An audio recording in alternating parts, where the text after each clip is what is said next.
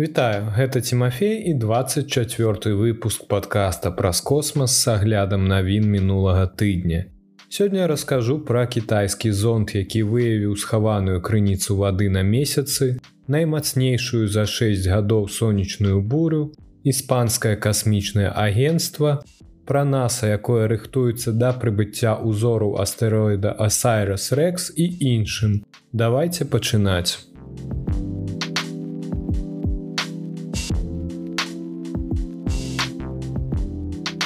Кітайскі зонт выявіў схаваную крыніцу вады на месяцы, змешчаную ў шкляныя пацеркі. Месяц заселены маленечкімі шклянымі пацеркамі, якія сфармаваліся за мільярды гадоў. Калі глеба, выкінутая падчас сутыкнення з астэроідам, астывае і падае назад на месяцовую паверхню. Аналіз месяцовых узораў, дастаўленых на зямлю кітайскім зондам Чанэ 5 паказаў, што гэтыя шарыкі утрымліваюць значную колькасць вады. Наяўнасць вады на месяцы не навіна. Месяцовыя арбітальныя апараты NASAа ўжо ў 1990-х годах выявілі доказы наяўнасці жыватворнай вадкасці ў зацененых палярных кратарах месяца. У 2000-х годах паўторны аналіз узораў пілатуемых місій Апалон канца 1960-х і 1970-х гадоў выявіў вадарод у месяцовым грунце. А нядаўна у 2020 годзе інфачырвоны тэлескоп Сафія, які выйшаў з эксплуатацыі, пацвердзіў, што вада на месяцы прысутнічае нават за межамі цёмных кратараў. Аднак паходжанне і паводзіны гэтай месяцовай вады ўсё яшчэ незразумелыя. Аднак шкляныя пацеры, знойдзеныя ў месячным рэгаліце вагай 1731 грам і дастаўленым на нашу планету чаны 5 у снежні 2020 года могуць стаць адсутным элементам гэтай галаваломкі. Навукоўцы лічаць, што мільярды гадоў таму месяц верагодна быў зусім сухі. Але эоны удараў сонечным ветрам струменем зараджаных часціц, якія ўвесь час сыходзяць ад сонца, прывялі да ўтварэння вады ў паверхневых пластах месяца. Гэтыя рэакцыі працягваюць адбывацца і сёння. Паколькі атамы вадароду, якія прысутнічаюць у сонечным ветры, звязваюцца з малекуламі кіслароду ў месяцовым рэгаліце і ўтвараюць малекулы вады. Сёння навукоўцы ведаюць, што частка гэтай вады выпараецца, калі верхнія пласты месяца награваюцца сонечным святлом. Затым на працягу месяцовай ночы паверхня рэгідратуецца, паўторна насычаецца вадой. Крыніцай гэтай рэгідратацыі, аднак не можа быць сонечны ветер, бо гэты працэс адбываецца занадта хутка. Новае даследаванне мяркуе, што шкляныя пацеры могуць служыць утоеным рэзервуарам, з якога вада лёгка вызваляецца на паверхню ў халодную і цёмную месяцовую ноч. Даследаванне выявіла, што ў гэтых шарыках значна больш вады, чым лічылася раней. Акрамя таго, аналіз паказаў, што значная колькасць вадкасці запасіцца ўнутры гэтых шарыкаў на працягу некалькіх гадоў і можа вызваляцца яшчэ хутчэй. Паводле ацэнак даследчыкаў да 270 трыльёнаў кілаграмаў вады можа быць атрымана з 12 квадратных метраў паверхні месяца. Хімічны склад вады ў шарыках адпавядае тыпу, які ўтвараецца пры ўзаемадзеянні сонечным ветрам, бо змяшчае ізатопы вадароду, якія прысутнічаюць на сонцы. Гэтыя вынікі паказваюць, што паверхня месяца і іншыя беспаветраныя целы ў сонечнай сістэме здольныя назапашваць ваду, атрыманую сонечным ветрам і выкідваць яе ў космас, сказаў Ху Сэн, вучоны з інстытута геалогіі і геафізікі кітайскай акадэміі навук. Даследчыкі лічаць, што шкляныя шарыкі могуць служыць зручным рэсурсам для здабычы вады для будучых чалавечых экіпажаў, а таксама для вытворчасці ракетнага паліва на паверхні месяца для місій у больш аддаленыя месцы.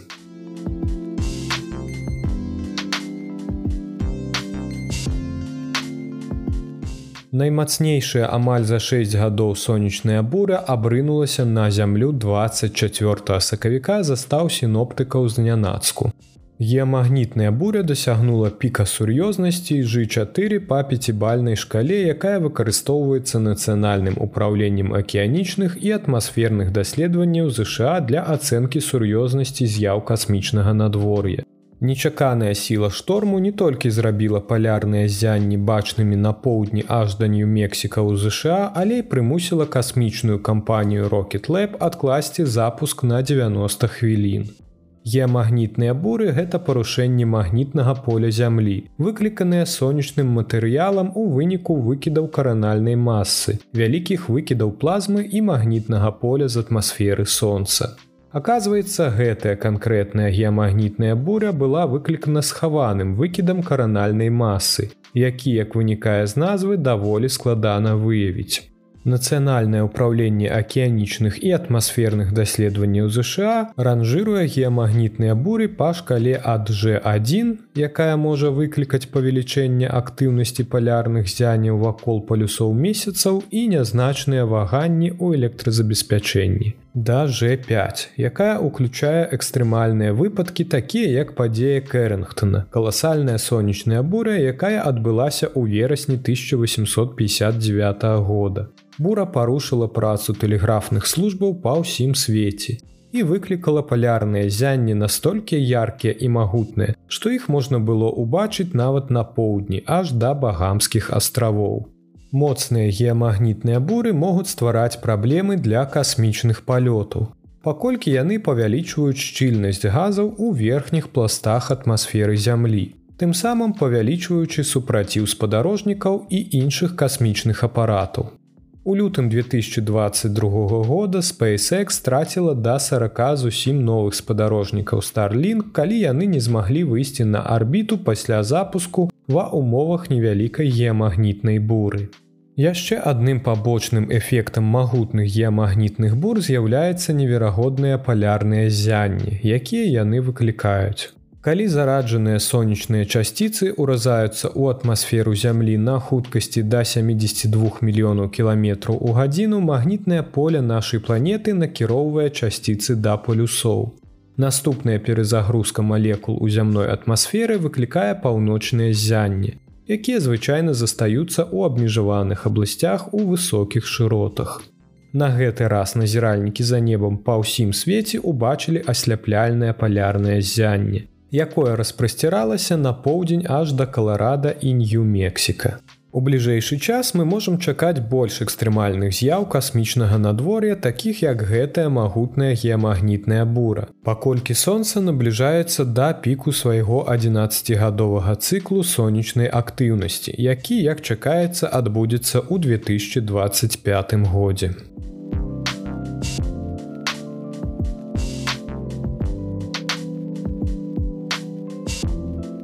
Іспанія стварае уласнае касмічнае агенцтва. Першапачатковы бюджэт агенства складае 700 мільёнаў еўра, каб дапамагчы запусціць касмічны сектар краіны. Савет міністраў краіны прагаласаваў за тое, каб дазволіць іспанскаму касмічнаму агенству пачаць працу. Планы агенства былі афіцыйна аб'яўлены яшчэ ў маі 2021 года.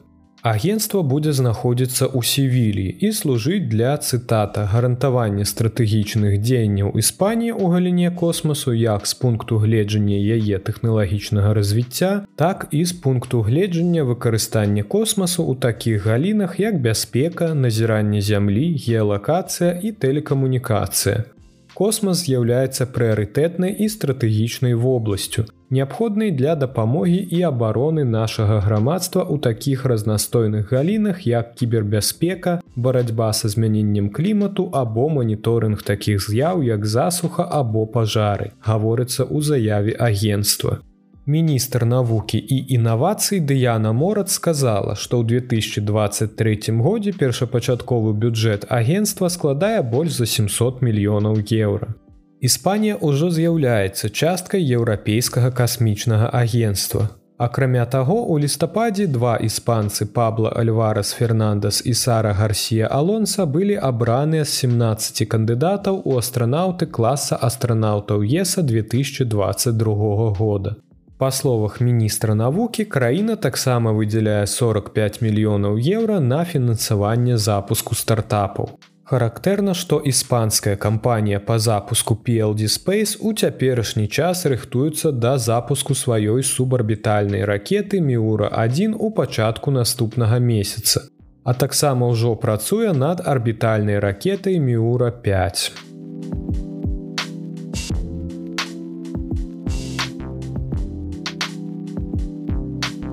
Самая магутная ракета Індыі запусціла апошнія 36 спадарожнікаў інтэрнэт-групоўкі OneWeb першага пакалення ў суботу 25 сакавіка. Ракета носьбіт Марк 3 стартавала з індыйскага касмічнага цэнтра імя Саціша Тхавана ў суботу ў 23:30 вечара.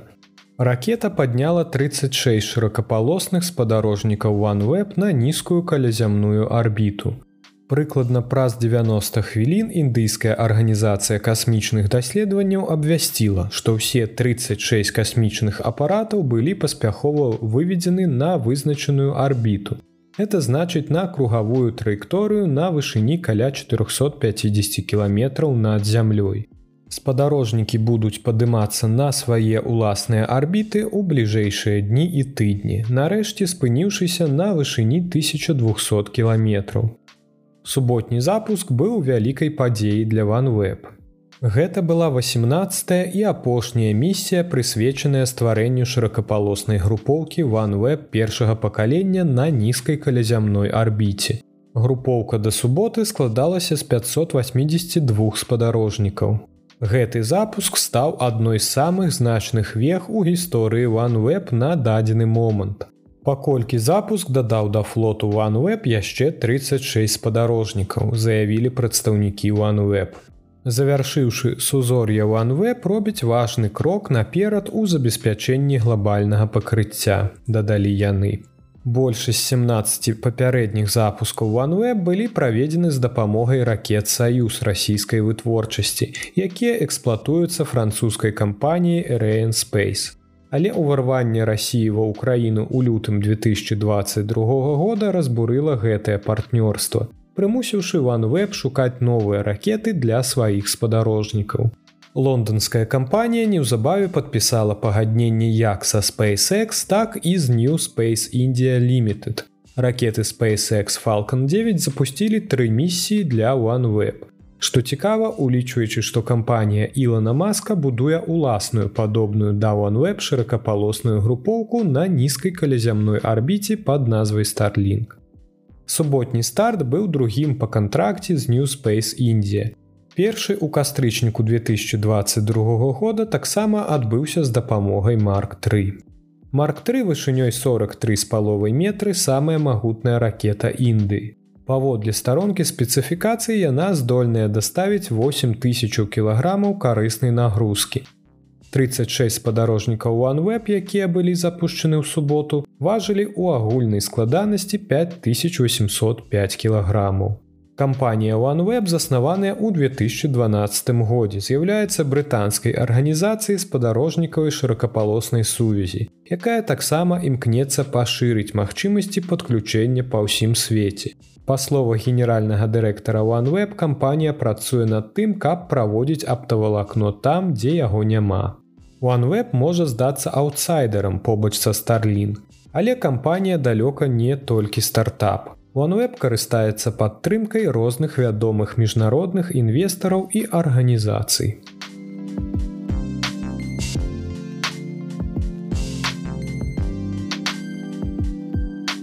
NASA рыхтуецца да прыбыцця ўзору астэроіда Осайрас Рекс у верасні.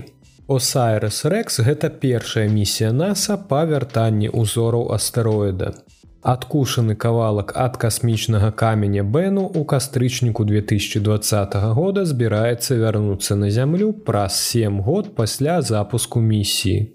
Паколькі зонт цяпер ляціць па зваротнай траекторыі праз космас, каманда на зямлі рыхтуецца да пасадкі ўзору 24 верасня ў пустыні Юта. Калі ўсё пойдзе па плане, капсула для вяртання ўзору Осайрас Рекс аддзеляцца ад асноўнага транспартнага сродку і ўвойдзе ў атмасферу зямлі ў 1441 па Грынвічы 24 верасня. Чакаецца, што капсула зробіць адносна мяккую пасадку прыкладна ў 1454. Засталося ўсяго 6 месяцаў і экіпажы NASAа робяць тое, што яны робяць лепш за ўсё. Рэпетуюць, трэніруюцца, здабываючы ўзор вагай прыкладна 250 грамаў узяту з бэну і сочыць за тым, каб ён не быў заражаны якім-небудзь зямным мікробам. Як толькі капсула з узорам прызямліцца, наша каманда будзе спяшацца, каб даставіць капсулу ў часовы чысты пакой, сказаў Майк Мора, намеснік кіраўніка праекта ў цэнтры касмічных даследаванняў. Навукоўцаў цікавяць узоры з бэну і падобных яму астэроідаў за іх здольнасці ўтрымоўваць ключы да разгадкі працэсаў фармавання планет і нават патэнцыйна малекулярныя доказы існавання папярэднікаў жыцця. Узоры метэарытаў, знойдзеныя на зямлі, карысныя для такога роду даследаванняў, але толькі да вызначанага моманту. Матэрыял астэроідаў сабраны ў космасе вольны ад якога-небудзь зямнога забруджвання і ўтрымоўвае часціцы меншага памеру, чым тыя, якія выжываюць на касмічных камянях, якія ляцяць праз атмасферу нашай планеты. Каб абараніць уваходны матэрыял бэну ад любых зямных мікразахопнікаў каманда NASAа прымае шырокія меры і загадзя рыхтуецца да іх. На працягу наступных шасці месяцаў экіпажа NASAа будуць адпрацоўваць пакрокавыя працэдуры вымання і транспарціроўкі ўзору Осайрас Рэкс пасадачнай пляцоўкі тэрыторыі міністэрства абароны памерам 59 на 15 кіламетраў у касмічны цэнтр імя Джонсона NASAа ў Х'юстане. Пасля прызямлення капсула будзе дастаўлена ў мабільны чысты пакой, дзе тэхнічныя спецыялісты распакуюць цеплаахоўны экран і ахоўную абалонку карабля, каб адкрыць герметычны кантэйнер з матэрыяламі бэну. Пасля распакавання чвэрць вынятага матэрыялу будзе прызначаная для даследавальнікаў Осайрас Рэкс. Астатняе па словах NASAа будзе зарэзервавана для іншых вучоных для вывучэння цяпер і для будучых даследаванняў.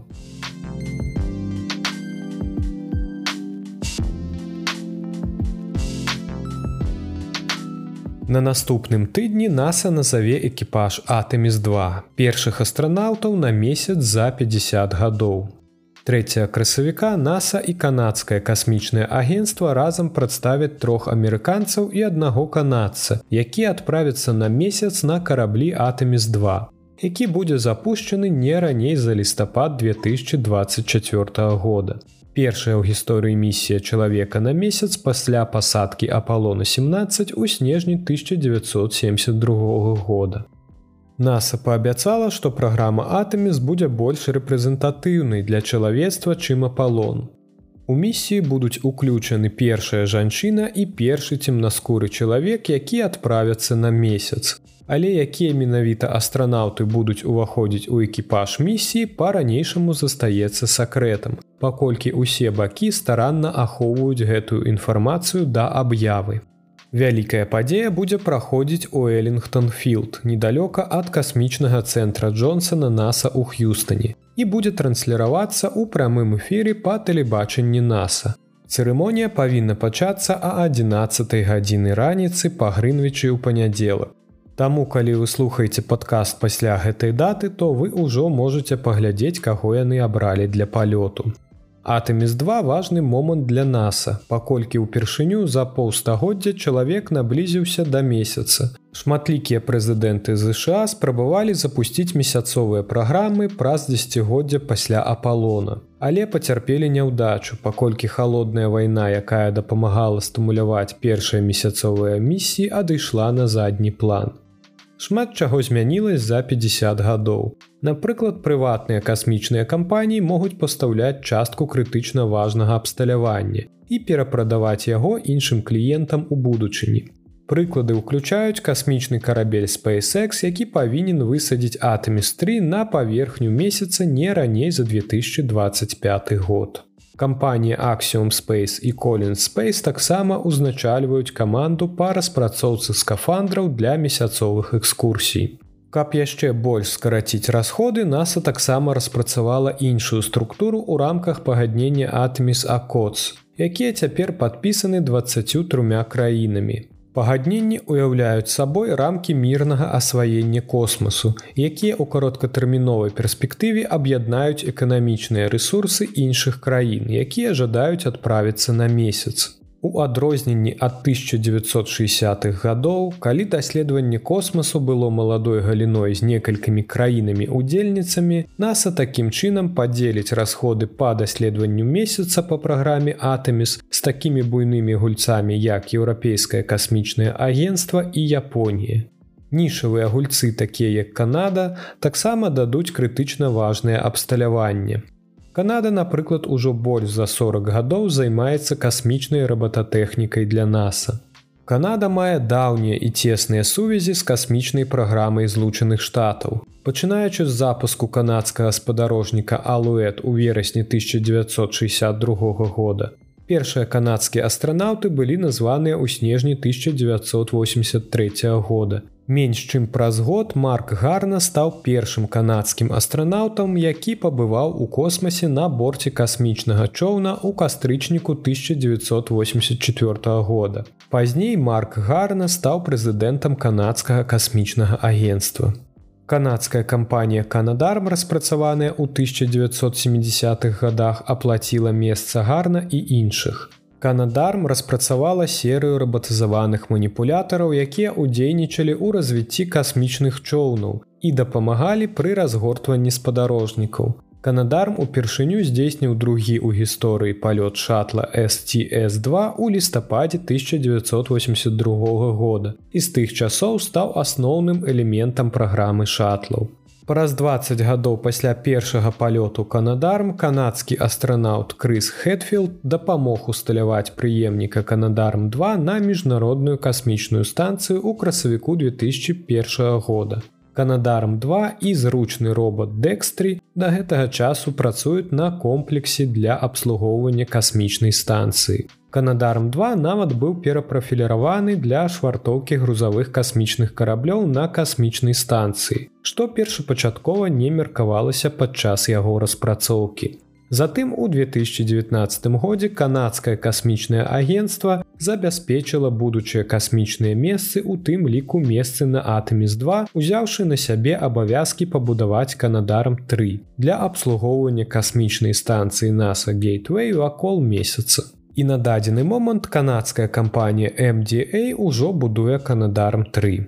Канадскае касмічнае агенцтва таксама ўзяло на сябе абавязкі прадастаўляць месяцовыя эксперыменты, карысныя нагрузкі і роботаў у рамках сваёй праграмы паскоранага даследавання месяца.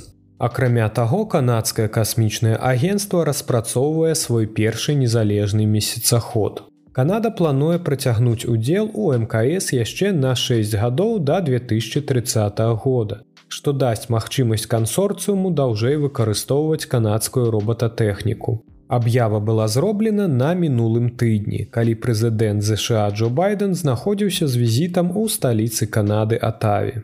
Па дадзеных агенства удзел Канады у мкс невялікі усяго 2,3соткі Але роботатэхніка вельмі важная, улічваючы, што Канадарм 2 выкарыстоўваецца для швартоўкі касмічных караблёў і для выхаду ў адкрыты космас.